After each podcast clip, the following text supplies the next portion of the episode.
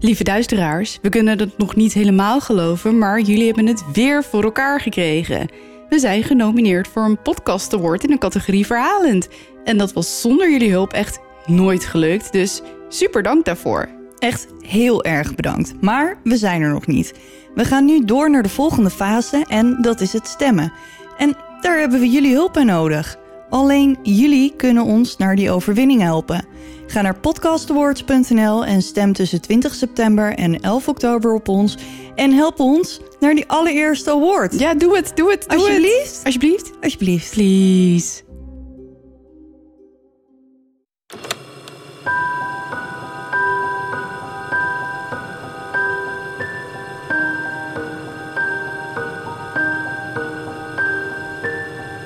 Dit is Duister.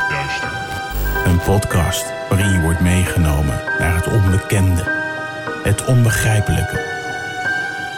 Zwarte bladzijden van de geschiedenis komen voorbij. Hier hoor je de verhalen achter moord, doodslag en onverklaarbare gebeurtenissen. We kruipen in de hoofden van een serie moordenaars, heksen, mythische wezens. Luister en huiver duister. Hallo, lieve duisteraars. Welkom bij aflevering 15. Hallo, Hi. we Nou, zijn er weer. Ja, we zijn er weer.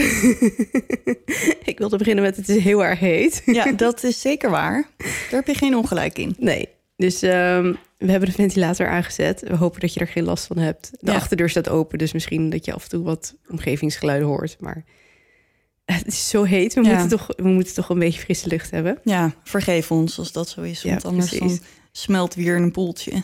en dan moet er iemand spookverhalen over ons gaan vertellen, denk ik. Ja, als ik doodga, dan kom ik wel spoken. Ja? Helemaal als ik eerder doodga dan spook, dan ga ik bij hem spoken. Mhm. Ja, liever bij hem dan bij mij. Oh, mag ik niet bij jou dan? Weet ik eigenlijk niet. Wat ga je doen dan? Weet ik veel, je lichten aan en uit doen en je televisie uit. Nou, je mag wel met mijn lichten spelen, maar niet met mijn tv. Oké, prima. Doe ik dat. Maar eh, hoe is het met je? Sinds vorige week eh, was je natuurlijk een beetje... Eh, Ziekig? ziekig? Ja, nee, gaat wel goed. Ik klink nog steeds een klein, klein beetje snotterig, maar het gaat wel beter. Ik kan ondertussen hele zinnen uitspreken zonder dat er een hoestbui volgt. Dus dat is wel fijn. dat is inderdaad heel fijn. Maar goed, we hadden vorige week iets leuks beloofd. Ja. Dus eh, we mogen nu eindelijk verklappen wat het is. Het is al een tijdje in de loop, maar eh, nu hebben we eindelijk eh, toestemming van iedereen. Dus aan jou de eer. Oké, goed. Ik heb het wel eens eerder over haar gehad. Eh, Samantha, dat vriendinnetje van mij waarmee ik ehm, schietles heb gedaan... en waarmee ik naar CrimeCon ga als dat ooit nog een keer gaat gebeuren. Ja, want tot eind, einde jaar geen Nederlanders welkom in Amerika, las ik. Ja, en Florida heeft nu ook echt een enorme piek. Dus Oh, echt waar? Oh, wat balen zeg. ja, Dus dat wordt echt pas volgend jaar. ja, ik hoop alleen... eh, ja, goed, we hebben nog tot eind oktober. Dus misschien eh, verandert er voor die tijd nog iets. Maar goed, Mm. daar ging het niet om. Nee. Nee, Sorry. want we dwalen af. En dat is natuurlijk niet de, eh, niet de bedoeling. Maar Samantha dus. Ja. En Samantha schrijft thrillers. ja. ik dacht dat je ging reageren. je zit me zo aan te kijken. ja, maar ze schrijft thrillers, maar echt hele leuke ook. Nou ja, leuke. Ja, hele goeie. Ja, hele goeie. Ja. ja, ik denk dat nu ongeveer twee jaar geleden kwam de eerste boek uit. Mhm. En daarmee won ze vorig jaar ehm, de Gouden Strop. Ja. En dat is zeg maar een hele prestigieuze prijs onder de Nederlandse thrillerschrijvers. Mhm. En ehm, ze won hem als debutante en vrouw onder de 25. Dat is best heel knap. Ja, dus dat was eh, best wel een prestatie. Dus dat geeft ook wel aan hoe goed er boeken ontvangen worden. Mhm. En ze heeft eh haar tweede boek uitgebracht. Ja, En die mogen wij weggeven aan onze Yes. luisteraars. superleuk. Ja, Het is dus eh, een deel 2 van een trilogie. ja klopt. En kun je deel 2 ook lezen als je deel 1 niet hebt gelezen? Ja, het zijn wel gewoon allemaal op zichzelf staande verhalen. Alleen als dus je één, ja, als je één eh, wel hebt gelezen, dan weet je natuurlijk wel meer over de personages Mhm. die vast in het verhaal zitten. Ja, precies. Maar je kan hem gewoon lezen als je, als je die eerste nog niet hebt gelezen. Oké, en hoe heet het? Het heet Zij die zwijgt. Zij die zwijgt. En hoe heet deel 1? De Witte Kamer. De Witte Kamer. Oké, maar wij mogen dus Zij die zwijgt eh, eenmalig weggeven. Dus wil jij heel graag dit boek eh, winnen van Samantha? Laat ons dan even op de socials weten ehm, waarom je het graag zou willen winnen.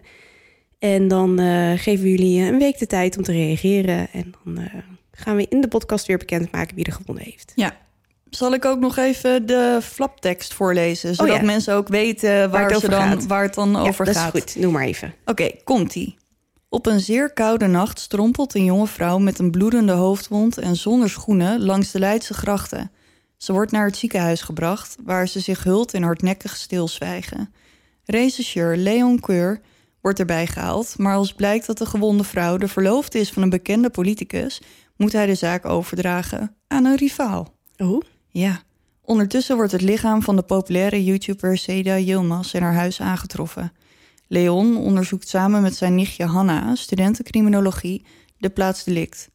Als ze daar een cryptisch bericht van de moordenaar vinden, komen ze erachter dat er misschien een verband is met de mishandelingszaak. Seida is waarschijnlijk niet het eerste dodelijke slachtoffer en als Leon en Hanna niet opschieten, ook niet het laatste. Oeh, spannend. Ja, zeker spannend. Je hebt tot eh, 8 juli om te laten weten waarom je dit boek eh, heel graag wil winnen. Voor jezelf of misschien voor iemand anders. Ja. En dan maken we in eh, aflevering 17 bekend wie hem heeft gewonnen. wie, er, wie er hem heeft gewonnen inderdaad. En dat doen we dan gewoon weer in een podcast. Dus dan, eh, Ja, dan, eh, dan is de winnaar bekend. ja. En ik ga ondertussen alvast in deel 3 van Samantha de boek beginnen, want ik heb er manuscript al binnen. Stiekem. Leuk. Dus daar, dat ga ik ondertussen doen, terwijl jullie allemaal vertellen waarom jullie deze willen winnen. Yes. Dat was hem dan, hè? Ja, ik ga beginnen. Heb jij nog een kleine teaser? Ja, daar heb ik deze keer zo zomaar over nagedacht. Niet. Zeker, in de auto weer naartoe. Toen dacht ik denk ik, oh wacht, ik ben als tweede. Maar het is, hou je vast, want dit wordt een wilde rit. Nou, ik ben weer heel benieuwd.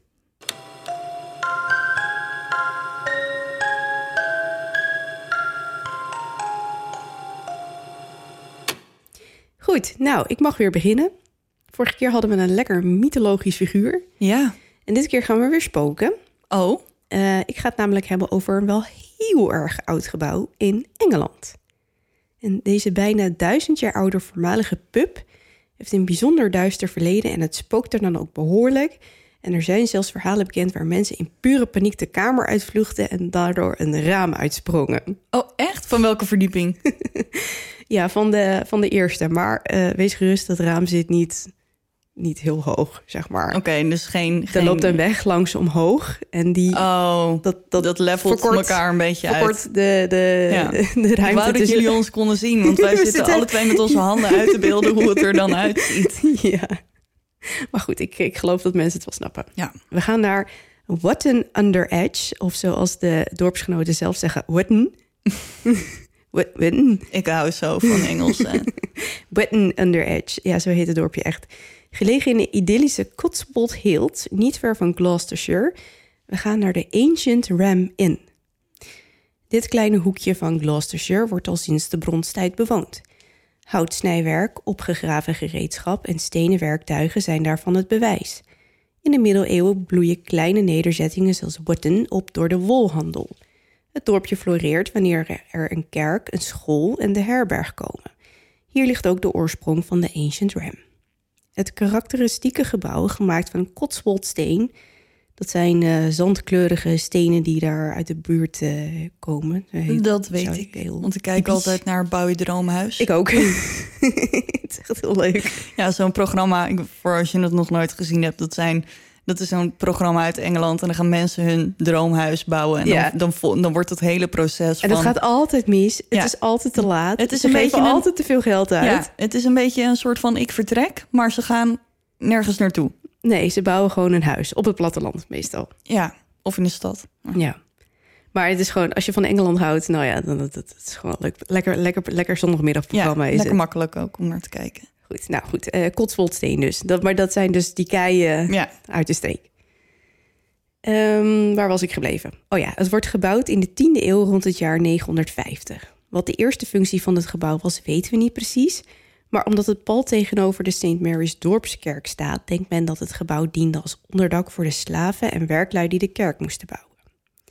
Maar als de kerk wordt voltooid in 1145, worden de slaven en de werklui uit de Ancient Ram weggestuurd en nemen de monniken en de lokale bisschop haar hun intrek.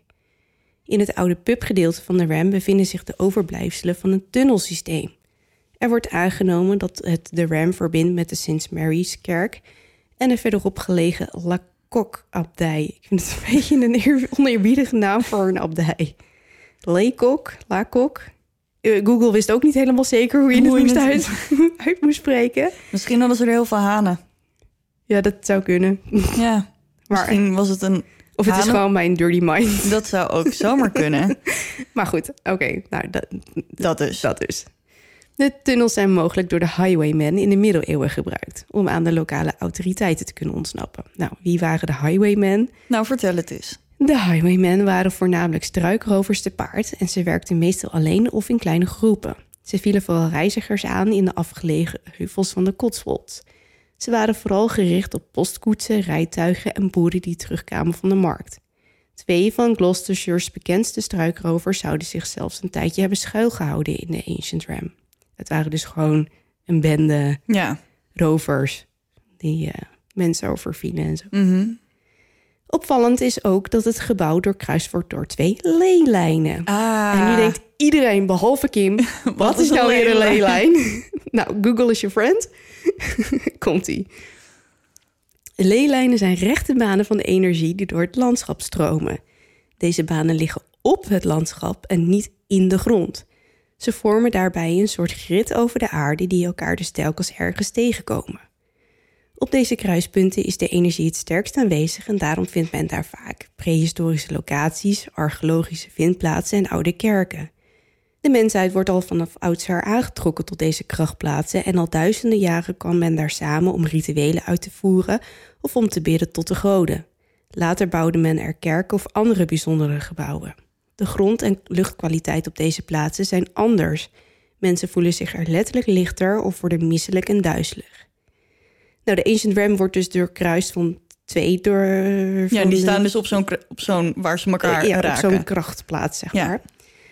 En eh, een van deze lijnen loopt zelfs helemaal door tot aan Stonehenge. Dus eh, sommige dat mensen... is echt een van de meest magische plekken Precies. in Engeland. Ja, dus sommige mensen zijn ervan overtuigd dat deze, juist deze lijn de veroorzaker is van alle buitengewone gebeurtenissen in de Ancient ja, Ram. Want niet alleen mensen worden dus tot leelijnen aangetrokken, maar ook geesten. Want geesten moeten zich natuurlijk ergens aan voeden. Ja, En op aan zo'n- energie. Aan, ja, en zo'n leelijn is een soort van Ja, het is, het is lastig, eh, lastig eh, Ja. uit te leggen.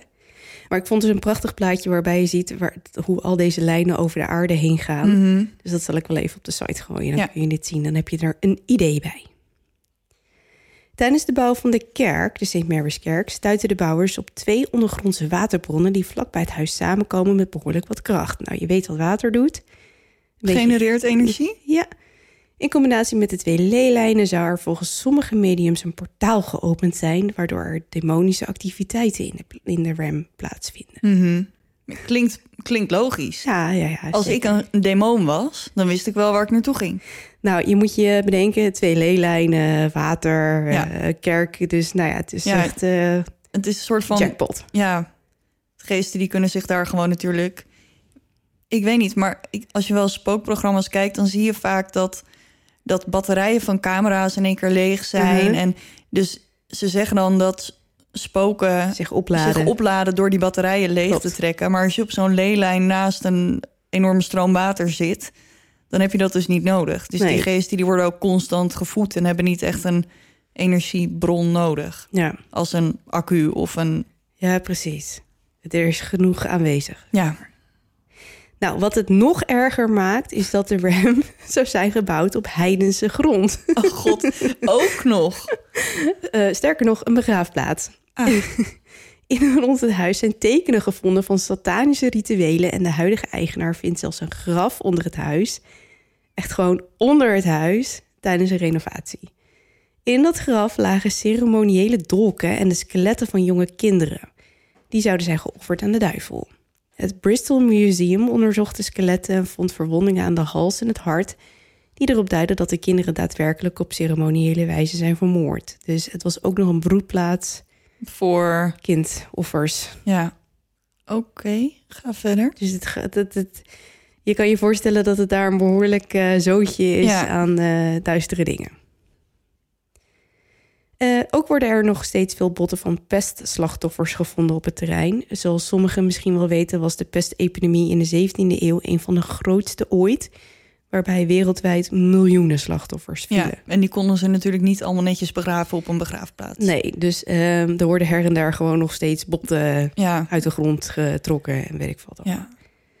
Lijkt me best raar als je in die omgeving woont en je bent gewoon een plantje in je tuin aan het ja en er komt in één keer een dijbeen eh tevoorschijn. Ja. Gelukkig hebben wij daar niet zoveel last van hier. nee. Goed, verder naar de RAM. Eeuwenlang gaat de Ancient RAM van de ene eigenaar naar de andere en men gaat ervan uit dat het gebouw altijd wel als herberg heeft gediend. In 1350 wordt de Ancient RAM, dat in deze periode bekend staat als het Tanhuis, wat, wat dat dan precies is, weet ik niet, eh, wordt het gekocht door Maurice de Beeth. Huurders Peter Lecoq en zijn vrouw Margaret wonen er voor een onbekende periode. Het pand blijft 171 jaar op de naam van Maurice staan. Huh? Ja, De, niemand dacht van, goh, die is dood. nee. Misschien... Nee. Oké. Nou, vanaf 1820 wordt de RAM eigendom van een brouwerij en wisselt het van eigenaar tot eigenaar, totdat het in 1968 gekocht wordt door een timmerman genaamd John Humphreys, die er de komende 50 jaar zal wonen. In 2017 overlijdt hij, waarna zijn dochter Caroline de nieuwe eigenaresse wordt. Nou goed, de ouders van Caroline kochten de Ancient Ram dus in 1968 Mhm. en ze willen er een B&B van maken, maar al gauw komen ze tot een onplezierige ontdekking. Er gaan namelijk wel wat geruchten over het oude gebouw, het Tower Spoken. Maar John is een RAF-veteraan, dat staat voor Royal, Air, Force. En hij is opgeleid tot baptistenprediker en dus gelooft hij niet in geesten. En toch overkomt hem op de eerste nacht in zijn nieuwe huis iets behoorlijks angstaanjagends. Vertel. Laat me niet langer in spanning. ben je er klaar voor? ja? Oké, dit is wat hij vertelde. Ik heb de hele dag in het huis gewerkt als ik mijn veldbed opzet in het voormalige keukengedeelte. Ik kleed me uit en ga onder mijn deken liggen. Ik ben redelijk diep in slaap als ik wakker word, omdat ik het koud heb. Ik ril en ik kom omhoog. Mijn voeten voelen alsof ze in ijsblokken vastzitten. Ineens word ik met een enorme onzichtbare kracht achterover geduwd op mijn bed. Een seconde later vliegen de dekens door de kamer en ik voel een ijzige kou in mijn enkels. Ik schrik me de piep. Voor ik het weet word ik met een enorme onzichtbare kracht aan mijn enkels uit mijn bed getrokken en klap ik op de grond.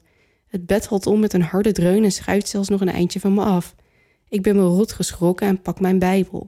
Ik besluit dat ik die, zolang ik in het huis ben, altijd bij me zal dragen. Dus ja, dat lijkt me best wel. eh, ja, nou, welkom in je wel. huis. ja. Ja. maar dan word je uit je bed getrokken. Hallo. Ja, en Ik koude vind- voeten. Dat is ook niet oké. Nee, maar die geest die had hem natuurlijk bij zijn voeten te pakken. Ja. En dan, eh, dan voelt dat koud. Ja. Nou, John die knapt het huis op. Ik, ik vind het overigens knap dat die mensen dan blijven. Hè? Hij heeft zijn Bijbel. Ja, Ja. ja. Maar ja, ja. Maar de- denk je dat het echt helpt, een Bijbel? Jawel. Ja? Ja, anders hebben we toch ook geen exorcismes en zo. En Ja, maar ik ken dus niet zoveel succesvolle exorcismes. Jij wel? Of misschien hoor je alleen maar degene waarvan het niet gelukt is. dat zou zomaar kunnen, want anders is het niet echt een interessant verhaal.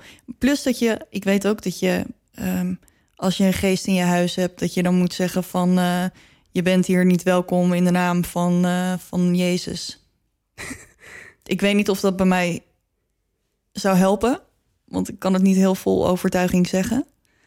Maar ja, volgens mij of in de naam van de Heer, zoiets, ben je hier niet welkom, ga weg. Ga weg. Ja, alsjeblieft. Moet je de deur achter je dicht doen?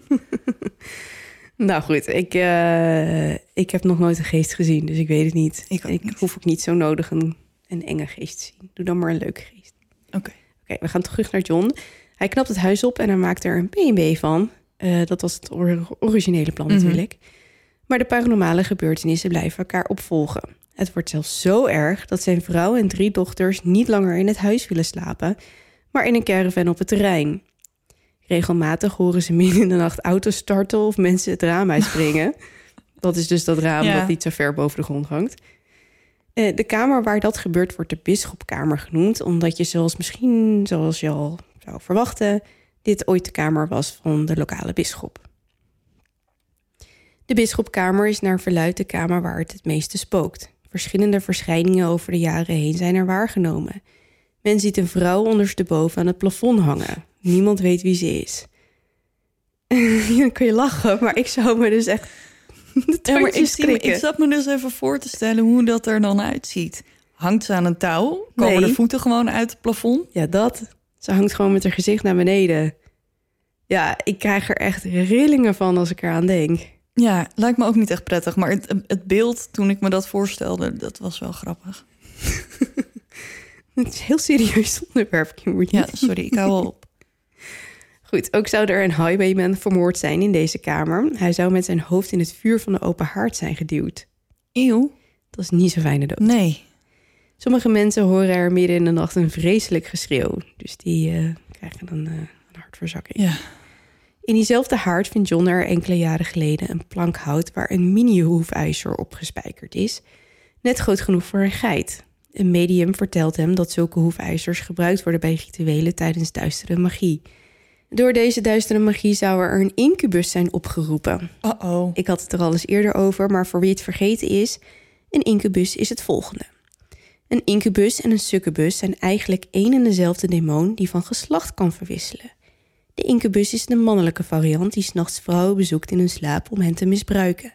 Het doel is het krijgen van een kind. De demon zou keer op keer gemeenschap met de vrouw hebben, totdat de vrouw mentaal en lichamelijk uitgeput raakt en sterft.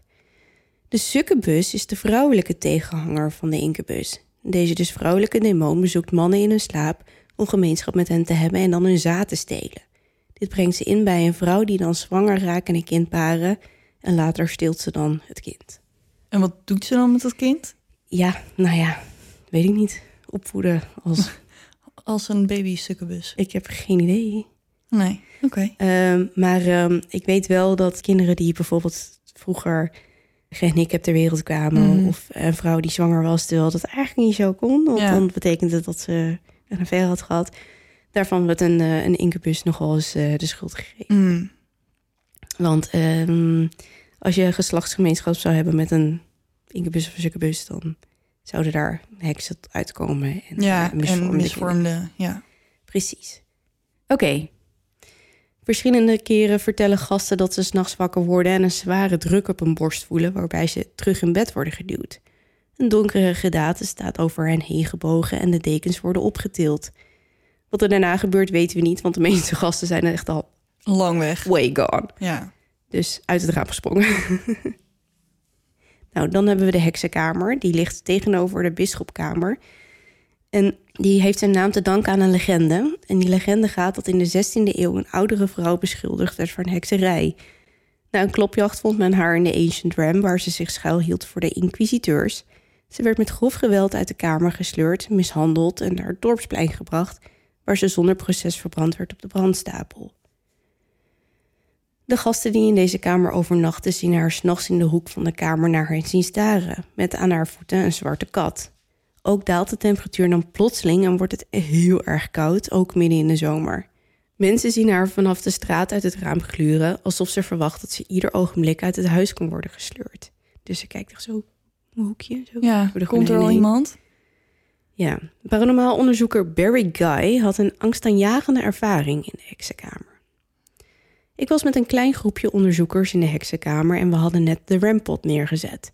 Een rampot is een apparaatje dat geluid afgeeft bij veranderingen in temperatuur of bij een magnetisch veld.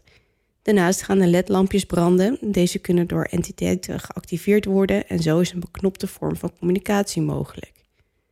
Hoe dan ook, we zaten op de grond een eindje van de rampot af en we deden een EVP-sessie. Hoewel er niet veel uitkwam, begon de rampot wel af te gaan. Ik stel een nieuwe vraag, maar de rampot blijft geluid maken. Het geluid gaat steeds harder en alle lampjes gaan aan. Het lijkt wel alsof een geest zich aan het apparaat heeft vastgeklampt en dat hele ding lijkt wel op hol geslagen. Ik probeer het geluid te overstemmen met mijn stem, maar het lukt niet en de rampot blijft maar afgaan, steeds harder en harder. Ik weet niet wat ik moet doen, maar ineens is het stil. We kijken elkaar aan. Wat was dat nou? Maar dan vanuit het niets wordt er zonder waarschuwing keihard op de deur gebonst. Direct daarna rammelt de deur in zijn sponning. Ik kijk weer naar de anderen en ik zie hun ogen groot zijn van angst. Ik wil opstaan. Ik weet dat we alleen zijn in het huis, maar er wordt weer op de deur gebonst. Ik staak mijn poging om op te staan en ga weer zitten. Direct daarna lijkt de spanning in de kamer, zo snel als hij opkwam, weer weg te ebben en voelt het weer kalmer. Zo. Dat is heftig. Ja, Dan zou ik ook wel schrikken, denk ik. dat denk ik ook wel. Ja, En helemaal als je weet dat je alleen bent. ja. Wie bonst er dan op die deur? Geen idee. Een heks, blijkbaar. Nee, ik denk die inquisiteur die de heks kwam oh, halen. oh ja, ja. Denk ik. Ja, dat zou kunnen. Ja. Dus dat was mijn eerste gedachte. ja, dat zou inderdaad kunnen. Nou ja, het lijkt me in ieder geval doodeng. Ja. En daarom wil ik dus niet op geesten jagen met jou, want dan krijg je dit soort dingen. Dan heb ik dus nachtmerries voor de rest van mijn leven. ja, alhoewel, ze mag vannacht best wel even in mijn kamer komen staan. Die ge- Oh, dan, ja, dan koelt het lekker Dan af. koelt het lekker af. Dan hoeft ze verder niet bij me te spoken als ze er maar gewoon gaat staan. Even langs zweven en dan weer gaan. Ja. Ja, precies. Nou, boven de, de bisschopkamer en de heksenkamer Mhm. bevindt zich uiteraard de zolder. En de dochter van een voormalige eigenaar werd er vermoord en opgehangen. Het meisje Elisabeth wordt gezien als een donkere schaduwfiguur die er op de zolder rondsluit. En dan niet, hallo, hier ben ik, maar ze kruipt over de grond. En dan... Je kent toch de leader van eh, Ghost Adventures? Ja. Er zit toch dan zo'n muisje in die zo naar je toe kijkt. Ja. Zo, ik weet voor de mensen die Ghost Adventures ook kennen, die Ja. weten vast wat ik bedoel. Nou, zo gaat zij ook. Maar waarom is ze vermoord? Weten we dat? Nee, dat weten we helaas niet. Er is alleen melding van gemaakt dat zij eh, vermoord is en opgehangen. Maar door wie en wanneer en waarom, dat weten we niet. Oké, Nou, er gaat wel één gerucht dat het een highwayman was. oké. Maar welke? Weten we niet. Nee. En waarom ook niet. Oké. Nee. Ehm, ook zou er sprake zijn van een demonische activiteit, een poltergeist wel te verstaan. Gezellig. Ja, want het is, ik zei het al, het is een enorme hotspot daar. Ja, en dan kan een poltergeist natuurlijk niet ontbreken. Natuurlijk niet. Als John's dochter Caroline in de jaren 80 met haar kerstverse echtgenoot een tijdje haar intrek neemt op de zolder, overkomt haar iets wat haar doet besluiten om nooit meer één nacht in het huis door te brengen. Dat is best rigoureus. Ze vertelt het. Ik was pas getrouwd met mijn man. We waren jong en we hadden weinig geld. Mijn vader bood ons de zolder aan. We hebben net onze spulletjes verhuisd en ik ben een beetje aan het rommelen op de eerste verdieping. Ineens hoor ik boven me schrapende geluiden. Ik kijk omhoog, maar ik zie niks. Even later hoor ik de hond, weer boven me. Zijn blaf klinkt gesmoord en ik vraag me af hoe hij op de zolder terecht is gekomen. Ik ga de trap op en roep tegelijkertijd de hond, maar als ik boven kom, staat mijn dressoir in de deuropening. Wat heel raar is, want normaal staat het aan de andere kant van de zolder. Ik wurm er langs en kijk onder het bed, maar daar is de hond niet en weer hoor ik een schrapend geluid. Ik begin bang te worden en ik wil weer naar beneden gaan als ik ineens een oorverdovend gedonder hoor. Ik schrik enorm en ren naar de trap en daar zie ik dat mijn dressoir van de trap is gevallen en nu onderaan de trapgat ligt. Mijn tarotkaarten liggen door de hele gang verspreid en alle spullen uit het dressoir liggen op de grond. Ik roep mijn vader en die komt naar boven gerend met de hond achter zich aan. Maar die hond die zat op zolder. Nee, Nee. hij heeft niks van het hele voorval meegekregen. De hond mankeert niks. Mijn vader staat onderaan de trap en achter hem zie ik een donkere schaduw een andere kamer inschieten. Ik besluit om nooit meer ook maar één nacht hier te slapen. Ja, maar hadden ze er dan al een keer geslapen? Of Ja, ze waren dit... er een paar nachtjes en dit gebeurde echt eh, halverwege de week of zo. Ja. Maar ik geef er geen, eh, geen ongelijk. Nee, ik, was echt ook al, niet. ik was echt al lang gone geweest. Nee, ja, ik ook, denk ik. Maar die hond, die was dus gewoon beneden. Beneden, dus die... dat- Die, die poltergeist heeft haar gewoon getricked. ja. Zo van, kom, hier is de hond. Ja, die is paniek. met je hond. Ja. Ja. ja. kom dan even kijken. en dan ga je kijken en dan gebeurt er dit. Ja. Ja. Oké. Maar ja, dat, dat, de reservoir is dus gewoon die trap afgelazerd. Ja. Dat vind ik best wel knap. Dat een, dat een, een, een demonische activiteit... eh, Dat kan veroorzaken. ik kan niet eens in mijn eentje een dressoir. Nee. Nou, ik, ik weet niet, man. Ik vind het echt eng. Ik ga daar ook niet heen.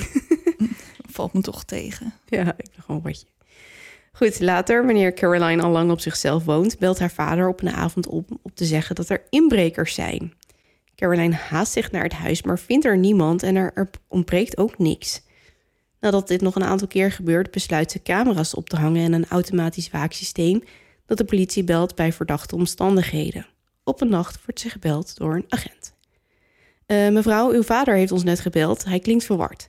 Hij belde ons om te zeggen dat hij denkt dat er bij hem is ingebroken en daarom heb ik de camerabeelden teruggespoeld. Ik hoorde wel een hoop lawaai, maar er is echt niemand in het huis. Het klonk een beetje als het breken van meubels. Nou, dat is dus precies wat Ja. Caroline ook overkomen Ja. is met haar dressoir. Zo zijn er talloze andere verschijningen in het huis. Twee mannen zijn gezien bij de haard in de keuken. Een enorme schaduw van twee meter wordt gezien in de schuur. Geklop, spullen die verdwijnen, huilende kinderen, mensen die gillend wegrennen. De Ancient Ram is alles behalve saai. Ja, maar het is ook al zo oud. Er moet daar ook wel zo, behalve zeg maar wat er op de grond en alles eromheen in dat hotel, moet er natuurlijk ook, ik weet niet hoeveel doden gevallen zijn. Ja, behoorlijk wat. Er is niet echt een schatting gemaakt van hoeveel. Nee, Maar eh, de slachtoffers van de pest, de highwayman, ja, de de middeleeuwen. Het is gewoon één soepzootje van drama daar. Ja. Maar jij weet hoe Engels ze zijn. Die zijn altijd Amerikaans. En dan, oh my god, most haunted Ja. house. En, Maar zij zijn ja, best wel nuchter. Wij hebben een spook. We hebben een Punt. spook en het spookt hier. En het is hier best wel eng. En ik ga hier nooit meer slapen. Maar ja, hè, hm, ik vind het gek met duizend jaar eh, geschiedenis. Ja, Dus dat, dat vind ik dan nog wel een soort van bewonderingswaardig. Maar de Ancient Ram, dus nou jongens, als jullie in Engeland zijn, ga daar vooral dan heen. weet je waar je naartoe moet. Oh, en eh, laatste toevoeging. Je kunt er niet meer slapen, want ehm, John is eh, in 2017 dus overleden. Mhm. Maar eh, Caroline geeft wel ghost tours. Maar dan moet je haar wel op afspraak eh, Afspreken. afspreken. en dan, dan geeft ze je een tour. En dan mag je zelf je spulletjes meenemen om... nou ja, om ja, zij doet gewoon de deur open en dan zegt ze, jongens, Ja, dan zegt ze succes. maar ze gaat er ook niet meer in, hè. Ze weigert om gewoon nog naar Ja. binnen te gaan. Dat kan ik me wel voorstellen. Ja. Er, is- er is overigens ook een eh, exorcisme geweest in het huis. Alleen dat heeft niet geholpen. oh. Maar verder weten we daar niks van. Nee, daar weten we inderdaad verder niet zoveel van. Oh, dat was het. Dat was de Ancient Ramin. Ja, nou, het was in ieder geval niet saai. Nee. nou, ben jij er klaar voor? Zeker. Right. Jij ook? Zeker. Oké, nou, Ja. dan ga ik maar beginnen. Doe dat.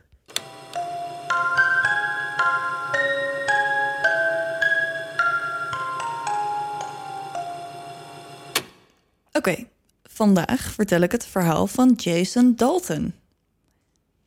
Ja?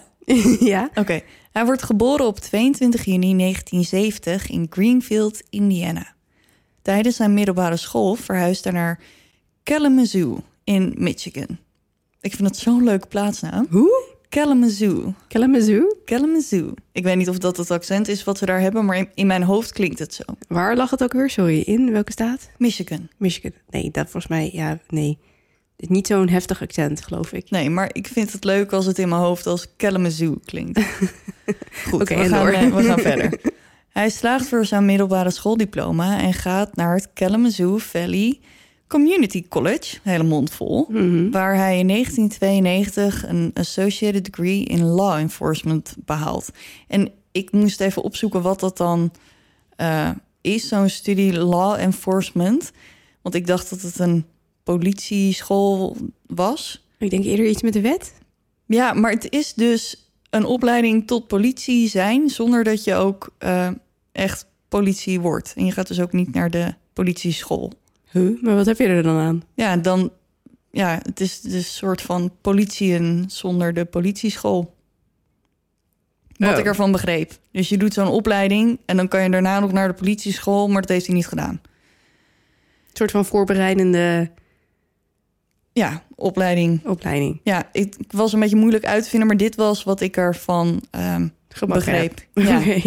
Dus, nou ja, goed. Hij had dus naar die, ehm, nog naar de politieschool kunnen gaan, maar dat deed hij niet. Volgens een vriend heeft hij wel gezocht naar banen binnen de politie. Maar als dat hem niet lukt in de buurt van Kalamazoo, geeft hij het op, want hij wil liever niet verhuizen. Hij is altijd al dol geweest op auto's en besluit een nieuwe studie te volgen. Deze keer tot automonteur. Oh, dat is wel heel wat anders. Ja, Na zijn studie vindt hij een baan in New Jersey, wat als ik het goed heb zo'n 11 uur met de auto verderop is. Maar hij wilde niet weg. Nee, dat wilde, dat was ook mijn volgende zin. Hij wilde dus niet verhuizen om agent te worden, maar wil wel 11 uur rijden voor een baan. En ik weet niet, misschien ging hij wel vliegen, maar in ieder geval, het is niet dichtbij. Nee. Nou ja, ja. Nee. Ja, nou was deze baan wel bij BMW, dus misschien speelde dat eh, dan mee. Oh, dat is een belangrijk merk of zo in... BMW is op zich wel een behoorlijk goede autonaam, denk ik. Ja, maar ja, dat zijn er toch wel meer. Nou goed, misschien, goed, was, ik dat, heb geen misschien idee. was dat zijn grote droom. Weet Ja. veel. Maar uiteindelijk wordt hij schade-expert voor een verzekeringsbedrijf. Jeetje. ja, hij heeft dus wel ja, die baan gehad, maar uiteindelijk is hij dus Ja, nou, verzekeringsmeneer geworden. In 1995 trouwt hij met zijn vrouw Carol en ze krijgen twee kinderen. Op het moment dat de gebeurtenissen waar ik over ga vertellen plaatsvinden, zijn Jason en eh, Carol 20 jaar getrouwd en hun kinderen zijn 10 en 15 jaar oud. Jason heeft een prima salaris en de familie komt niets tekort. Toch besluit Jason een extra baantje als Uber-chauffeur te nemen, zodat hij kon sparen voor een familievakantie naar Disney World. Oké, nu we Jason een beetje beter hebben leren kennen, gaan we naar de dag waarop mijn verhaal plaatsvindt. Zaterdag 20 februari 2016. oké. Deze dag begint doodnormaal. Carol en de kinderen gaan de hort op en Jason gaat een stuk lopen met een Duitse herder Mia. Hij brengt Mia thuis en ontmoet Brian, een vriend van hem, om samen naar een wapenwinkel te gaan. Jason en Brian houden allebei van wapens, zoals wel meer Amerikanen. Mhm.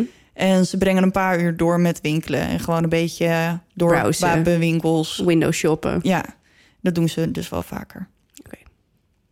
Als ze klaar zijn, zegt eh, Jason tegen Brian dat hij nog even naar huis gaat om een dutje te doen voordat hij aan zijn dienst als Uber-chauffeur begint. Hij stapt in zijn zilveren Chevrolet, ik vind dat een moeilijk woord, Equinox. En hij neemt Mia ook mee en gaat op weg naar zijn eerste passagier. Als hij aankomt met Mia in de auto, weigert de vrouw in te stappen. Ik kan me voorstellen dat als je bang bent voor honden of allergisch, dat je dan niet instapt. Nee, ik vind het ook wel een beetje apart dat een Uber-chauffeur zo Ja. Ja, ik ken weinig taxichauffeurs die inderdaad Ja. hun hond meenemen. En een Duitse herder is natuurlijk ook best wel een indrukwekkende hond. Ja. Potentieel agressief. Ik zeg echt niet dat ze dat allemaal zijn. nee, maar... hij ziet er natuurlijk, het is gewoon een grote hond. Dus of Ja. hij nou heel lief is of niet, het straalt gewoon wat anders uit dan een Mhm. klein lief eh, schattig hondje. Terwijl ik vind Duitse herders ook heel lief. We hebben het over honden en Emily begint hem gelijk te Ja. mouwen. Die heeft het ook voor. Ja. Rond vier uur 's middags komt hij bij zijn volgende klant aan, Matt Mellon. Matt vond het wel vreemd dat de hond in de auto zat, maar hij nam aan dat het, eh, omdat het zo'n mooie dag was, zijn chauffeur een stuk met zijn hond was gaan wandelen. Het kan. Dat kan, inderdaad. En Matt is dol op dieren en laat zich niet afschrikken door Mia. Hij stapt in en neemt plaats op de bijrijdersstoel, want Mia zit achterin. Matt was onderweg naar het huis van een vriend om daar zijn auto op te halen, die hij de avond daarvoor had laten staan. Jason en Matt praten onderweg een beetje over koetjes en kalfjes, tot Jason na een paar minuten een telefoontje krijgt. Hij neemt op en de telefoon staat op de speaker, dus Matt kan, kan gewoon het gesprek volgen. Mhm. Aan de telefoon is de zoon van Jason die hem vraagt of ze voor hem wat te eten mee moeten nemen naar huis. Gewoon een normaal gesprek tussen een vader en kind. En nou, Matt zit eigenlijk ook niet zo erg op te letten. Want Nee. het is een beetje ongemakkelijk als een vreemde naast je Ik vind gesprek zit te voeren. sowieso meerijden in een Uber vind ik altijd een beetje... Ik vind het toch een beetje raar. Ik weet het niet. Ja, We hadden in Amerika best wel vaak een Uber. En dan was het toch altijd een beetje awkward. ja, het ligt eraan. Ik heb ook best wel leuke chauffeurs gehad. Ja? Nou, Ja. We hadden altijd een beetje weirdo's. Met een taxichauffeur, taxichauffeur is het... Ik weet niet, man, die kun je negeren of zo.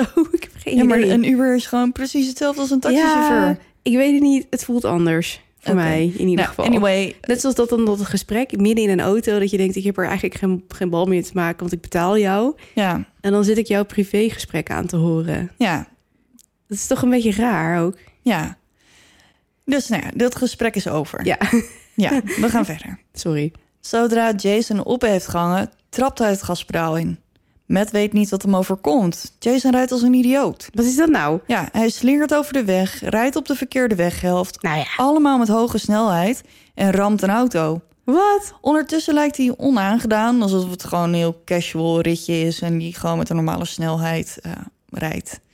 Dat is dus het gevaar van instappen bij een Uber. Ja, Matt schreeuwde naar hem dat hij zojuist een auto heeft geramd en Jason reageert heel kalm met: Nee hoor, kraakt helemaal niks.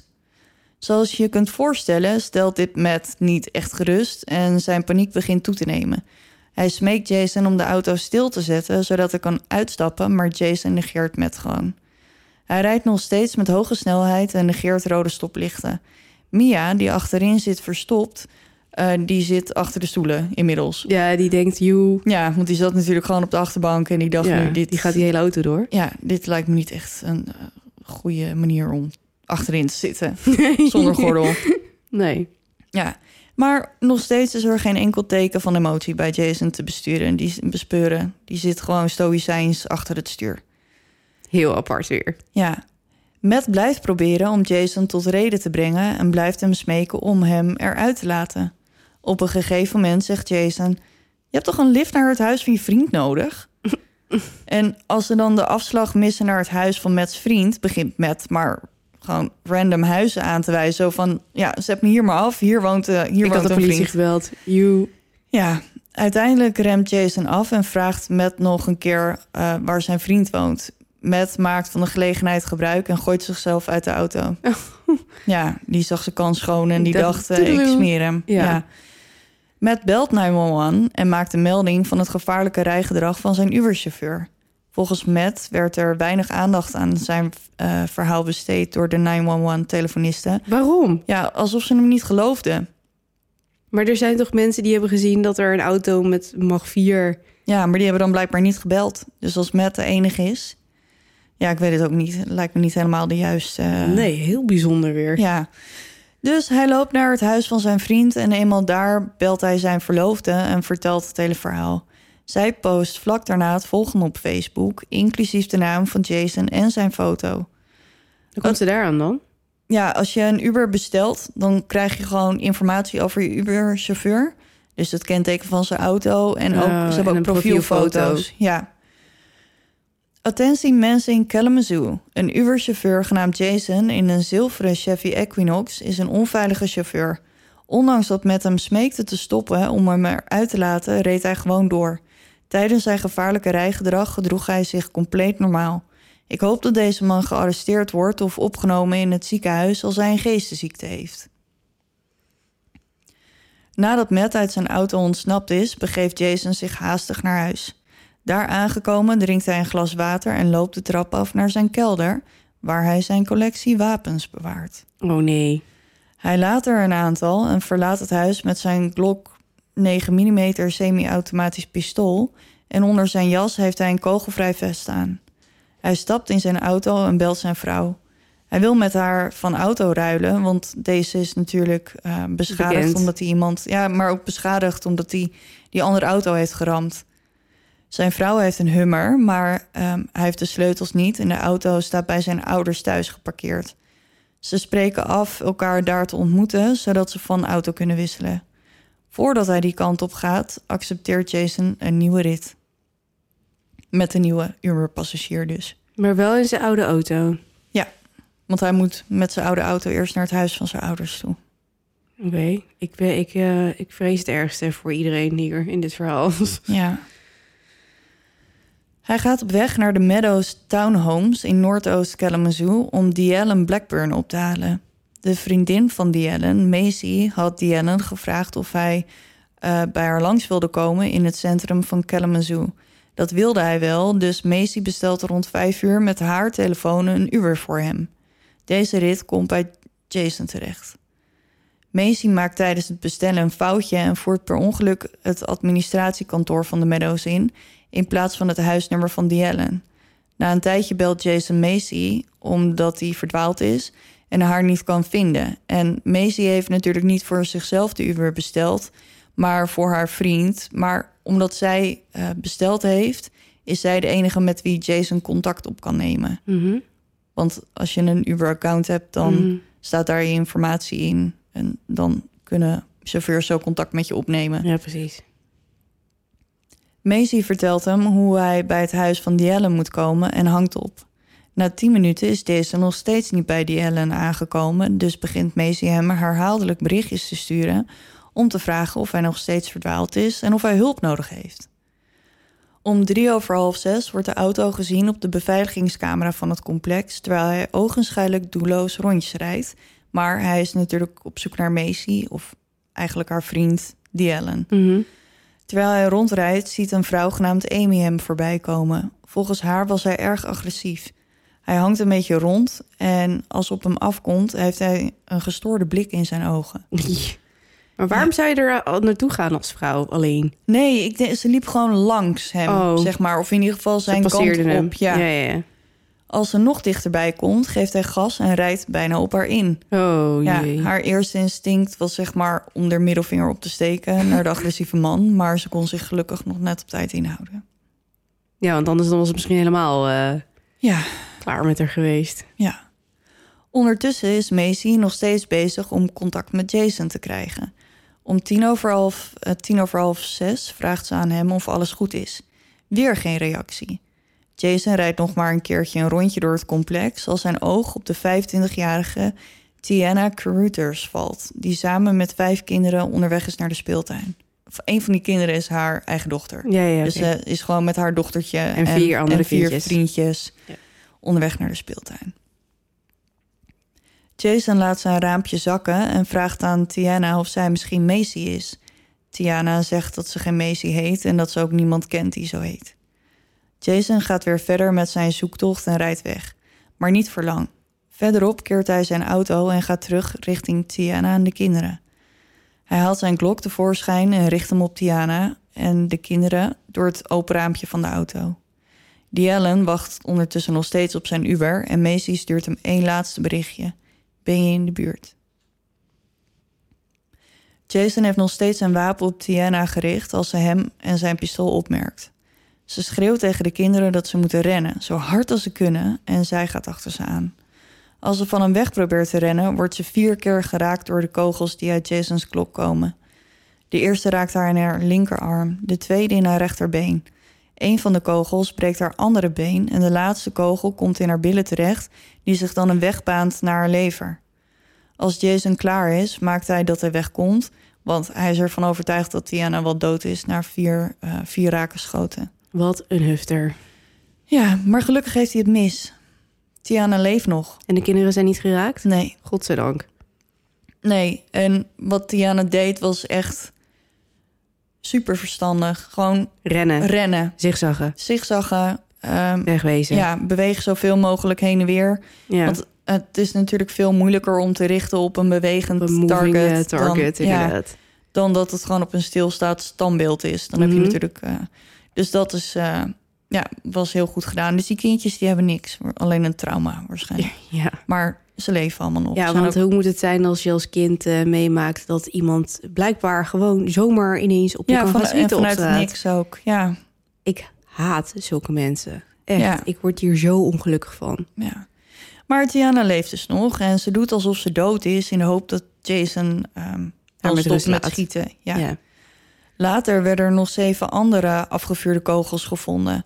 Hij heeft dus elf keer op haar geschoten en op de kindjes. Wat een idioot. Ja, als die allemaal raak waren geweest, dan had ze het natuurlijk nooit Nee. overleefd. Ehm, het was nu al een wonder dat ze het kon eh, navertellen met die vier, Mhm. vier wonden. Buren komen haar te hulp als ze er zeker van zijn dat Jason weg is en ze vinden haar op de grond, ingeklemd tussen de stoep en het wiel van een auto.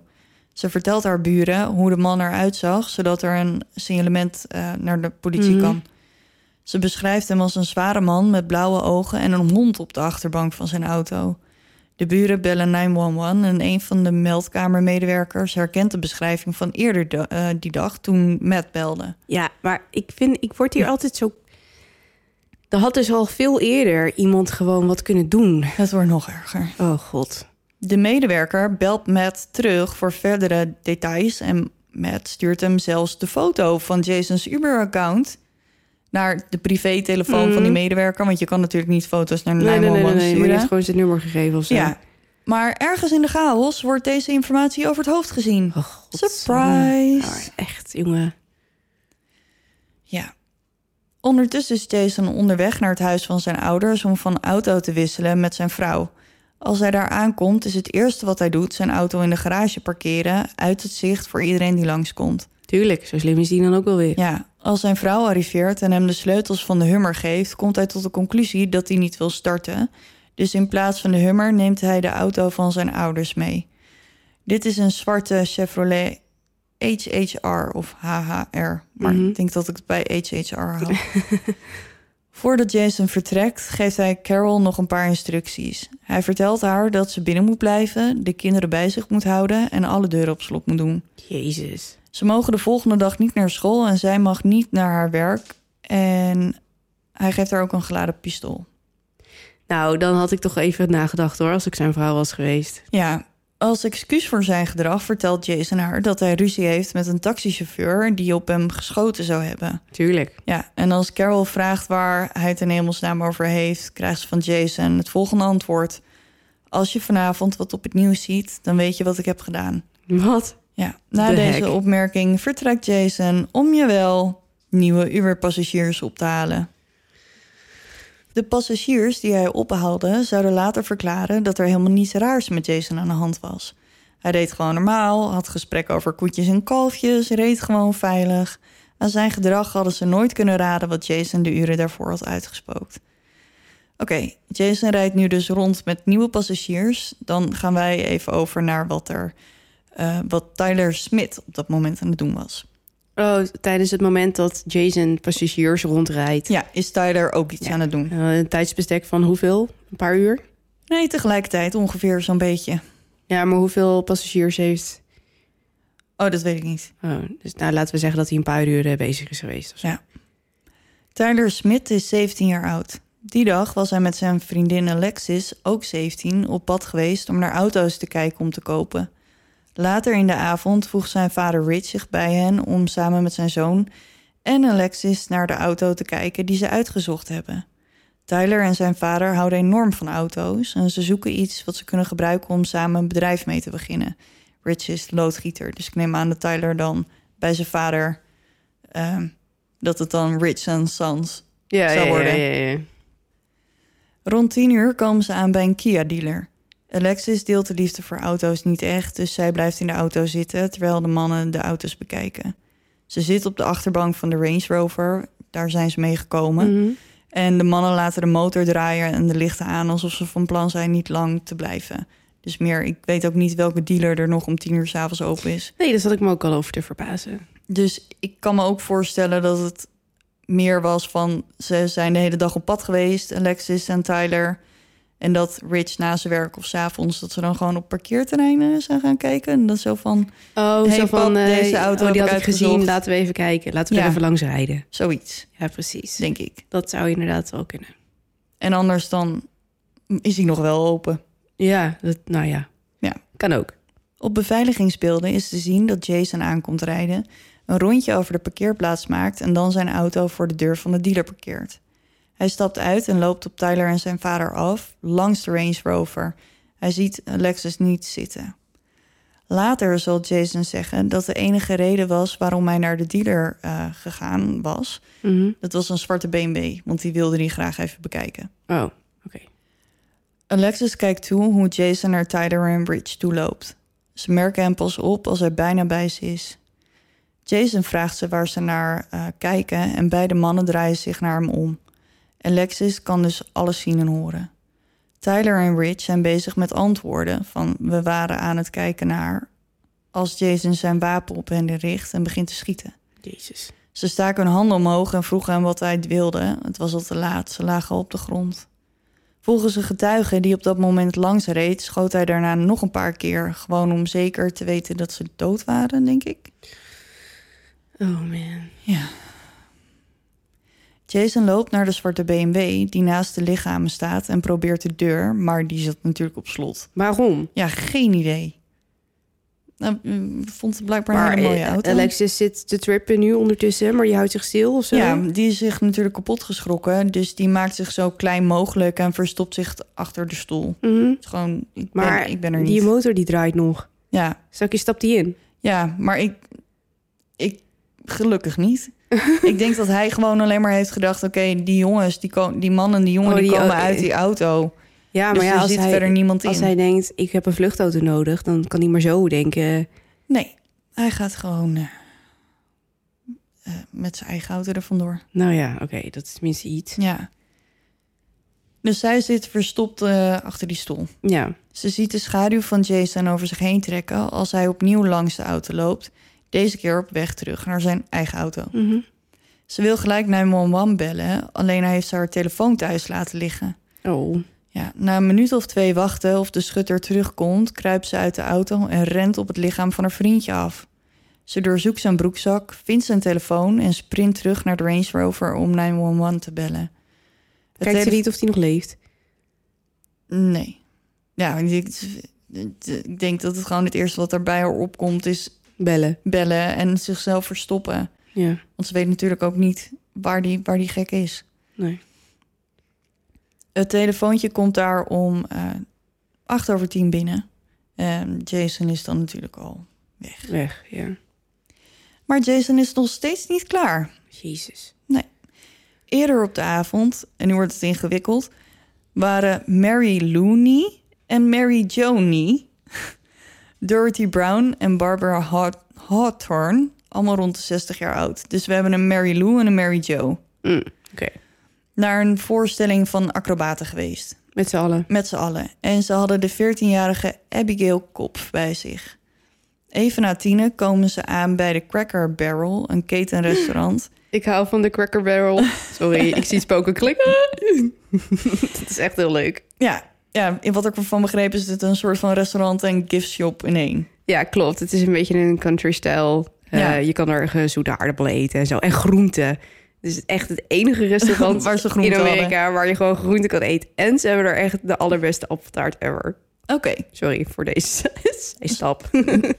goed. Ze hadden dus bij de Cracker Barrel gegeten. ja. En na die voorstelling komen ze daar weer terug om ieder met hun eigen auto weer naar huis te gaan. Want ze Mhm. hebben vanaf daar Gecarpooled. Gecarpooled? Gekarrelpoeld. Ja, goed. Dus iedereen, ze zijn daar weer en ze Mhm. zijn onderweg naar huis. Mary Lou is net aan haar eigen auto gestapt. De anderen zitten nog in de andere auto als Jason aankomt lopen. Ik word die man een beetje zat. Ja. Hij vraagt aan een vrouw in een busje, en ik ga er dus vanuit dat dit dan eh, Mary Lou is, Mhm. of ze een dollar heeft. To make America great again. Oh nee. Dus dat zei zij ook. Nee, dat heeft ze niet. Nee. En voor ze het weet, wordt ze door Jason in haar hoofd geschoten. Hoe lang eh, gaat dit nog door? En we zijn nog niet helemaal klaar. De andere vier in de auto ernaast beginnen te gillen en Jason schiet ze één voor één dood. Nee joh. Ja, eerst de bestuurder, dan de vrouw die achter haar zit, dan de bijrijder en als laatste de vrouw daarachter. Iemand belt 911 en de politie komt ter plaatse. Waarom duurt het zo lang? Die politie had toch gewoon al veel eerder... Mhm. Ik bedoel, Alexis had toch ook al gebeld? Ja. Hij is toch van de dealer naar de Crackle Barrel gereden. ja, en dan hebben we dus ook Tiana nog in de Meadows. Die, Die ook, ook. inderdaad. En Matt die een beschrijving heeft gegeven. ook dat, ja. Hoezo is er niet een klopjacht op deze man? Ja, Als er drie schietpartijen in één stad op één dag zijn... dan Ja. waren bij mij toch echt wel alle alarmbellen afgegaan. ja. Maar bij hun dus blijkbaar niet. Hm. Nee, Ik vind het echt bizar. ja. Bij de Kia-dealer is het onderzoek nog in volle gang... als ze daar de melding krijgen over wat er gebeurd is bij de Cracker Barrel. Nu begint het ze te dagen Nou, dat ze te maken hebben met een seriemoordenaar. Oh, Op dit moment heeft de politie nog niet veel om op af te gaan. nee, behalve dat er een Foto. profielfoto gestuurd is naar iemand. Hallo? Ja, en, maar ze hebben nu wel ehm, alles wat ze weten, hebben ze gezien op de beveiligingsbeelden van de dealer. Dus ze weten nu wel hoe die er dan uitziet. Want die Kia-dealer die had best een state-of-the-art beveiligingssysteem. Dus ze hebben wel heldere beelden nu van hoe die eruit ziet. Oké. Er gaat een publieke waarschuwing uit om iedereen nou ja, te waarschuwen voor de gevaarlijke schutter. Ja. Ook wordt er gevraagd om uit te kijken naar een oudere man met een Chevy HHR. ja, precies. In de eerste instantie denkt de politie dat alle slachtoffers bij de Cracker, Cracker Barrel... eh, Wat een ongelooflijk rottig woord om uit te spreken. overleden zijn, maar dat blijkt niet waar te zijn. De 14-jarige Abigail, die in haar hoofd geschoten is, overleeft ternauwernood. Jezus. Ja. Vanuit het ziekenhuis wordt er naar de politie en de media gecommuniceerd dat de tijd van overlijden van Abigail was vastgesteld en dat haar lichaam voorbereid zou worden om haar orgijnen, orgijnen, organen te verwijderen voor donatie. Maar dan stellen ze ineens een hartslag en ademhaling vast. Oh, Dus Abigail die leeft nog. nou ja, gelukkig maar. Ja, en ik heb een klein stukje over haar gezien op YouTube. En ze mist nu een stuk van haar schedel. Dus ja, gewoon de helft van aan de zijkant van haar Mhm. hoofd is gewoon weg. Dus er zit een deuk. Maar ze herstelde echt wonderbaarlijk goed. En ik heb dit filmpje, zet ik ook op de website. Dus dan kan je zelf kijken hoe het, eh, Met haar is. hoe het met haar is. Maar zij, sorry hoor, zij overleeft dus als enige van die vier in die auto. Ja. Ja, Eh, trauma. ja. Terwijl op de plaatsen delict het onderzoek in volle gang is... begint Jason weer met het oppikken van passagiers. Tuurlijk. Hij doet een paar ritjes en dan stappen Derek zonder achternaam, want die kon ik niet vinden, eh, zijn vrouw en zijn schoonouders bij Jason in. Ze verblijven in een hotel een paar blokken verderop en normaal zouden ze gelopen hebben, maar een van de serveersters in de bar waarschuwde ze dat er een schutter onder Loes was. Nee. Maar, ja, volgens mij heeft dat meisje gewoon de helft van de memo gemist. maar even, maar hoezo stappen zij dan alsnog in een Uber? Ja, maar ze heeft dus wel verteld dat er een schutter is, maar waarschijnlijk niet dat het dus een Uber-chauffeur is. Oh my lord, ik vind het echt bizar. Ik had gewoon, nou, Ja, dus die familie die weet dus wel dat er een schutter is, maar ze weten dus niet echt van die Uber. wat is de Dus- kans dat ze dan bij hem instappen? Ja. Gewoon. Dus wat doet de schoonvader van Derek als die instapt? Heb je het al gehoord? Joh, Deze schutter. eh, Weet jij iets over die schietpartijen? Nee, zegt Jason. De sfeer in de auto wordt er niet beter op en toch vraagt Derek: Weet je het zeker? Waarom dan? Ja, hij weet het zeker, zegt Jason. Hij is gewoon moe. Jason zet ze af bij een hotel zonder dat er iets gebeurde. Deze familie waren niet de enige passagiers die dit soort vragen aan Jason stelden. Drie vrienden die bij Jason in de auto stapten, vroegen hem zelfs of hij niet toevallig die gek is die overal mensen doodschiet. Wat? Ja, natuurlijk ontkent Jason alles. Dat lijkt me... Maar ik snap dus echt niet. Kijk, die, die, die familie die heeft gewoon de memo gemist. Ja. Dat het een Uber-chauffeur was. Maar waarom nemen al die mensen nog een Uber? Ja, dat zeg ik net. Ja, maar de- deze mensen wisten het dus wel. Ja, man, raar. Maar dat, nee, maar ik, wow. Sprakeloos. Ja, echt. Ik had me echt verstopt in de kelder. Ik had gezegd, als die man is opgepakt, dan kom ik er Ja, wel uit. wel tevoorschijn. Joe. Ja, ik kan me nog wel voorstellen dat je dan bijvoorbeeld met de metro naar huis gaat of zo. Maar als je Nou, weet dat het een niet. Ik zou gewoon is. wachten totdat die hele... Weet je nog? Dit is even een dwaalspoor. eh, dat ik bij jou ooit was ergens in het noorden van het land... en dat dat hele gebeuren bij de Charlie Ja. Hebdo aan de gang was. Ja, En dat, dat iedereen gewoon moest binnenblijven. Wat Ja. heel logisch is. Ga gewoon niet naar buiten. Blijf gewoon binnen. ja. Dit, ik zal wel even... Het heeft verder niet zoveel met mijn verhaal te maken. Maar volgens mij is dit wel een van de incidenten geweest.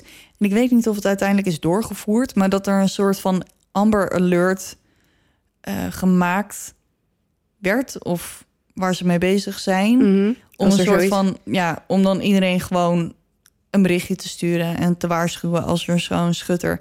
Je moet er toch niet aan denken dat hier in Nederland een soort van Amber Alert is voor een schieter. Schieter? Schutter. Schutter on the loose. Eh, nee, maar, het- ja, maar kijk, pardon. Wij mogen hier natuurlijk geen wapens dragen. Nee. Ehm, dus als zoiets gebeurt. Ja, we hadden, we hadden natuurlijk eh, twee jaar geleden die, die man in de tram Ja. in Utrecht. Ja. Eh, maar ja, ja, ik, ja. Ik weet niet goed waar ik, waar ik heen wil met dit verhaal. Maar het gebeurt gewoon niet zo vaak nee. hier. Terwijl in Helaas, Amerika, in lijkt Amerika het gebeurt vaker het te ge- gebeuren. Ja. ja, dus ik kan me voorstellen dat het daar beter zal werken dan ja, hier. en niet alleen dat, maar bijvoorbeeld ook eh school shootings zijn daar natuurlijk best Mhm. wel een ding.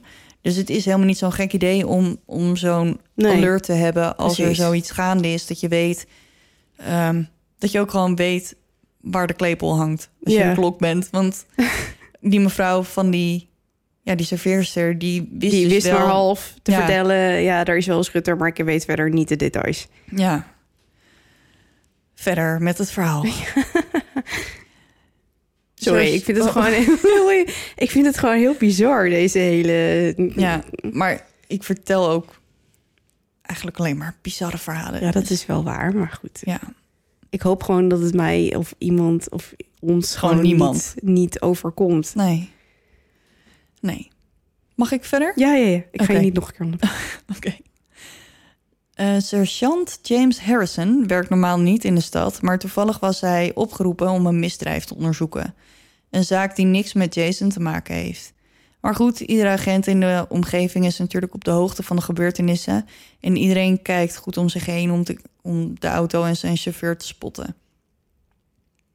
Als James bij een stoplicht komt en de bocht neemt, ziet hij ineens wat vanuit zijn ooghoek. Een zwarte Chevy HHR. James zet de achtervolging in. Jason gaat richting een druk deel van het centrum en als ze daar terechtkomen wordt James een beetje zenuwachtig. Al die mensen bij elkaar, wat als Jason hier zijn volgende slachtoffers kiest? Kan hij niet gewoon ondertussen eh, contact opnemen met... Ja, hij heeft wel backup geregeld, maar op een, Ja. op een moment dat, ehm, ja, dat je in zo'n druk gebied, Ja. net alsof je zeg maar op het Leidseplein achter iemand aan zit en dat je denkt, als er nu iemand schiet, dan hebben we echt complete Ja, chaos. drama. Gelukkig rijdt Jason door richting een rustiger deel van de stad en het lijkt er niet op dat hij in de gaten heeft dat hij gevolgd wordt. James krijgt nu versterking van een tweede agent. Nu hij er niet meer alleen voor staat, zet James zijn zwaailichten aan en maand Jason tot stoppen. Ja. Uiterst voorzichtig stapt James uit en commandeert de man om zijn lege handen uit het raampje te steken. De handen komen tevoorschijn en James en een andere agent benaderen Jason voorzichtig. Bij de auto aangekomen grijpt Jason Jason bij zijn polsen en boeit hem. Voordat ze hem fouilleren vragen ze Jason of hij wapens bij zich draagt. Jason staart in de verte zonder te antwoorden. Ze fouilleren hem en vinden Jasons pistool. Ze zetten hem in de politieauto en brengen hem naar het bureau. Oh, dat ging dan vrij makkelijk. Ja, Ik dacht, die gaat er een eind aan maken. nee, hij was inderdaad eh, ja, gewoon heel kalm, en rustig en werkte gewoon mee. Wat een bizarre man, joh. Ja, en volgens mij heb ik dit niet in het verhaal staan, maar volgens mij zegt hij ooit in een verhoor ergens dat hij wel van plan was om. Ja, dat was dus, ik denk een van de bu- achterburen. Eh, oh, ik denk in één keer, ik hoor een vogel Nee. in, de, in de keuken. Nee, een van de buren heeft een piepende schuurdeur. Oh, vandaar. Klinkt bijna hetzelfde als een vogel. Die, die hoor je wel eens. Ja, maar volgens mij zegt hij dus later wel dat hij het wapen nog had willen grijpen, maar dat hij toen dacht, ja, Waarom eigenlijk? Ja. Jason zit nu vast en wordt verhoord. In de eerste instantie komt hij niet met een verklaring voor zijn gedrag, tot hij uiteindelijk toch begint te praten. Ik heb een stukje audio van zijn verhoor waarin Oh, hij voor het eerst vertelt wat hem ertoe dreef om de moorden te plegen. Luister maar. I know that you guys are gonna have a hard time believing this, but it literally took over mind and body. The Uber app? Yes. Wat? Ja. De Uber nam zijn, zijn mind en body over? Ja, wil je hem nog even nog een keertje horen voor zekerheid? Ja, doe maar. I know that you guys are gonna have a hard time but it literally took over mind and body. The Uber app? Yes. De Uber cab. De Uber-app. zegt Oh, hij. app. Ja, en ik heb het sowieso shit. nog even helemaal Een vertaald. soort van Christine is dit, van Stephen King. Ik heb geen idee waar je het over hebt. Dat, is een verhaal over een, een supernatuurlijke auto die eh, zijn bestuurders eh, beïnvloedt. Oké. Ja. ja, kan. Oké, maar hij is dus gewoon helemaal in een soort van Ja, delirium ik heb dus geraakt. voor iedereen die het misschien niet zo goed verstaan heeft... het nog even vertaald. Oh, oké, wat hij sorry. precies zegt, hoe het gesprek gaat. Uh-huh. Hij zegt... Ik weet dat jullie dit moeilijk kunnen geloven... maar het nam letterlijk mijn geest en lichaam over. En de agent vraagt dan... De Uber-app? En dan zegt Jason... Ja. Na drie weken maakt de politie stukken van zijn ho- verhoor openbaar. Dit is wat we weten van de bekentenis van Jason. Hij zegt dat de Uber-app zijn lichaam en een geest overnam, zoals ik net al zei. En hij vertelt dat normaal het icoontje van de app rood is, maar nu veranderde het in, in zwart. En als hij de app opent, ziet hij een soort duivelsgezicht. Een gehoorde koe of zo. Wat? Ja. De... En het gekke is, ik weet niet, ik gebruik Uber nog niet zo lang, maar nu is die kantje dus gewoon zwart. Zeg Nee. altijd, ja. Dus waarschijnlijk zijn ze dan als rode app begonnen. Een soort van rood symbooltje. Maar oké, maar dit, dit, hier, hier, hier zit iets meer achter. Ik Hij- was nog niet klaar met zijn verklaring. Oh, sorry. Ja. Als de app gewoon rood is, pikt hij gewoon, zoals normaal, passagiers op. Maar als hij verandert in zwart, neemt de app hem helemaal over. Hij kan dan met meer dan 160 km per uur rijden en stopborden negeren zonder dat hem wat gebeurt. En de app droeg hem op om de moorden te plegen. Hij is dus volgens hem bezeten door de Uber-app. Sorry. Ja, Wat bizar, joh. Ja, nu is dus inderdaad de vraag: is dit echt wat er gebeurd is? Mhm. Of verzint hij dit verhaal zodat hij ontoerekeningsvatbaar kan pleiten in de rechtbank? Hij zal natuurlijk niet de eerste zijn die een lagere straf probeert te krijgen door te doen alsof hij gek is. Mhm. Dat is natuurlijk best wel een soort van beproefde methode Ja. om Zeker. je straf omlaag te krijgen. Maar dit, dit is wel een hele aparte variant. Ja, ja. En tijdens zijn verhoren met de politie lijkt hij ook gewoon heel normaal. Hij gedraagt zich soms wel een beetje vreemd. Maar over het algemeen is zeg maar een hele rustige, Man. meegaande man met een beetje raar gedrag af en toe. Gedragje. Gedragje wilde ik zeggen, maar toen dacht ik nee, gedragje is geen woord. Ja. Op 7 januari 2019 pleit hij schuldig aan het vermoorden van zes mensen, twee pogingen tot moord en zeven aanklachten voor het gebruik van wapens. Op 5 februari krijgt hij levenslange gevangenisstraf zonder de mogelijkheid tot vervroegde vrijlating. En volgens mij krijgt hij ook per moord een levenslange straf opgelegd. Ja, ja. Dus dan zes keer levenslang. Ja, Nou, dat lijkt me verstandig. Ja, en het laatste stukje ehm, over Uber. Uber heeft na deze gruwelijke gebeurtenissen actie ondernomen en nieuwe opties voor de veiligheid van de passagier in de app geïntegreerd. Hoe dan? Nou, nu kan je bijvoorbeeld vijf noodcontacten toevoegen die je vanuit de app kan eh, bereiken. Je kan je rit delen, dus ik kan mijn route terwijl ik in die, in die Uber zit, kan Mhm. ik naar jou sturen en dan kan je gewoon op de kaart kijken Waar hoe je het bent. autootje beweegt. En er zit een eh, alarmknop in de app, zodat je direct contact kan maken met 911 of 112. De noodcentrale. Ja, Jee. Nou, ik weet niet of ik ook nog in een Uber stap. ja. Dus dat was het verhaal van Jason Dalton. Ik zei toch dat Ubers raar zijn? Ja, nou deze is wel inderdaad wel raar. Oh, en Tiana, die ehm, Mhm, vrouw die Met die kindjes? met die kindjes, zij is gewoon ook helemaal hersteld. Ze leeft alleen wel met een kogel in haar lever, omdat het te riskant was om die eh, te laten verwijderen. Wow. Ja, dus ze krijgt nu elke paar maanden wordt ze gecontroleerd om te kijken of die kogel nog steeds op dezelfde plek zit. En zolang hij op dezelfde plek blijft zitten, is er niet zoveel aan de hand. Maar als hij begint te bewegen, kan hij natuurlijk meer schade aanrichten. Mhm. En Abigail, ja, ik zet het filmpje wel op de website. En dan eh, kan je zelf kijken. Er zit ook een stukje van het verhoor van Jason in. En Tiana komt aan het woord en Abigail. Oké. Dus ehm, ja, dat was het. Nou. Ja, nou, ik kan in ieder geval niet. eh, ik was gisteren wandelen met een vriend en die zei. Ik was zo gefrustreerd door je vorige verhaal. Je- We weten helemaal niks. En hij had, hij had net ehm, kamer 1046 geluisterd. Oh ja, ja, ja. Dus ik zei al van nou, hè, ik heb er nu gewoon eentje met een begin, een midden en een eind. Zonder ehm, erg veel mysterie. Nee. We weten natuurlijk alleen de drijfveer van Jason niet echt. Dus, eh, Nee, maar ik... ehm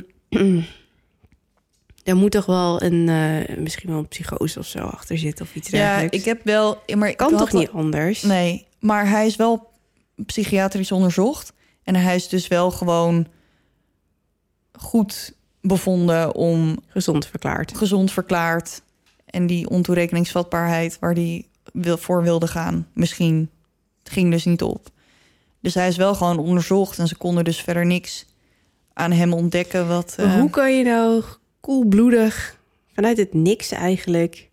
Ja, geen Of- idee. En al, of- al zijn vrienden omschrijven hem ook als gewoon een hele relaxed, chille dude. Zonder... Maar dat is toch eng dat mensen blijkbaar in één keer zo kunnen veranderen. Ja. Oh, en dat heb ik ook niet, want ik, het werd al een beetje lang. Maar hij is in de tussentijd nog één keer naar huis gegaan om van wapens te wisselen. Oh, tuurlijk. Maar ja, maar, de, dat- Maar dan ben je dus heel bewust met iets bezig. Ja, Dan denk je niet van, oh god, wat heb ik gedaan? En eh, ik ga nu thuis zitten wachten tot ze me komen halen. nee. En in de eerste instantie, als we even teruggaan naar dat Matt bij hem in de auto hoorde, of zat en hoorde dat het gesprek tussen die, Mhm, die zoon. Ja, in de eerste instantie werd misschien gedacht dat het een telefoontje van zijn vrouw was. En Ja. dat er daardoor, want volgens mij belde dat zoontje met de telefoon van zijn moeder. Dus op, als je dan de cellfoon informatie krijgt, dan zie je dus het nummer van zijn vrouw Mhm. verschijnen. Dus ze gingen ervan uit dat er misschien iets van ruzie was geweest. Of dat er iets met zijn vrouw aan de hand was. En dat hij daardoor zeg maar doordraaide. Maar dat, bleek niet dus zo. niet waar te zijn. Dat bleek dus gewoon zijn zoontje. Die belde om te vragen wat hij wilde eten. Nou, ik, ik ja, heftig man. Ja, Ik ben er altijd even een beetje stil van. ja. Nou, zullen we maar eh er een eind aan breien? Ja. Ik ga weer lekker slapen vannacht, maar niet heus. Zo, even. Ik had... Sorry, ik, ik moet het even met jullie delen allemaal. ik had dus van de week een nachtmerrie, want die heb ik wel vaker. eh, dat er dus iemand op mijn zolder woonde. En die wist alles van mij. En dat wist hij via mijn dagboek, want hij had zich daar verstopt. En het was echt super eng. En mijn man en mijn vader en mijn broertje en zo... die gingen allemaal helpen om deze man van mijn zolder te krijgen. Maar dat lukte niet, want we kwam de hele tijd terug. Toen dacht ik, Kimmer die Otte, het is jouw schuld. Potverdorie. Oh. Het was echt heel eng. Ja, en ik kan ook niet garanderen dat ik mijn laatste zolderverhaal verteld heb. Oh nee, hou op zeg. Maar voorlopig even niet, oké? Nee, nee, nee, nee, nee. Maar Ik laat, deze, laat deze nachtmerrie even vervagen, alsjeblieft. Ja, maar ik heb er nog wel één of misschien wel meer een petto voor Ja. in de toekomst. Nou, doe maar later dan, ander keertje. Oké, dat beloof ik. Nou, voor nu is het wel, eh, wel afgelopen. Ja, maar voordat we gaan, als jullie Zij die zwijgt van Samantha willen winnen, ga dan naar onze socials. Laat weten waarom. Laat weten waarom. Je kan ons vinden op het Duistere Podcast. Op Instagram, facebook.com slash Duistere Podcast. Ook op YouTube, maar daar kan je niet reageren. Nee, tot We 8 houden het juli. een beetje beperkt tot eh, Facebook en, eh, en Instagram. Yes. Maar daar kan je ons wel allemaal volgen. Je kan ons ook gewoon eh, Abonneren. abonneren. Niet ons abonneren, maar op ons abonneren in je podcast-app. Ons invulformulier staat ook altijd tot je beschikking. Die vind je op duisterepodcast.nl. Plus alle foto's, filmpjes en links staan op de website. Aha. Nou, dan zijn we er wel, denk ik, hè? Denk ik ook En wel, ja. nogmaals, tot 8 juli kun je reageren. Ja, dat klopt. Nou, bedankt weer. Ik ben weer helemaal in de war. Dat is mijn specialiteit. Ja, man. Nou, ehm, laten we er maar, eh, laten we maar afsluiten. Dus Ja. Onthoud, blijf in het licht, want, je weet nooit wat er in het duister op je wacht. wacht.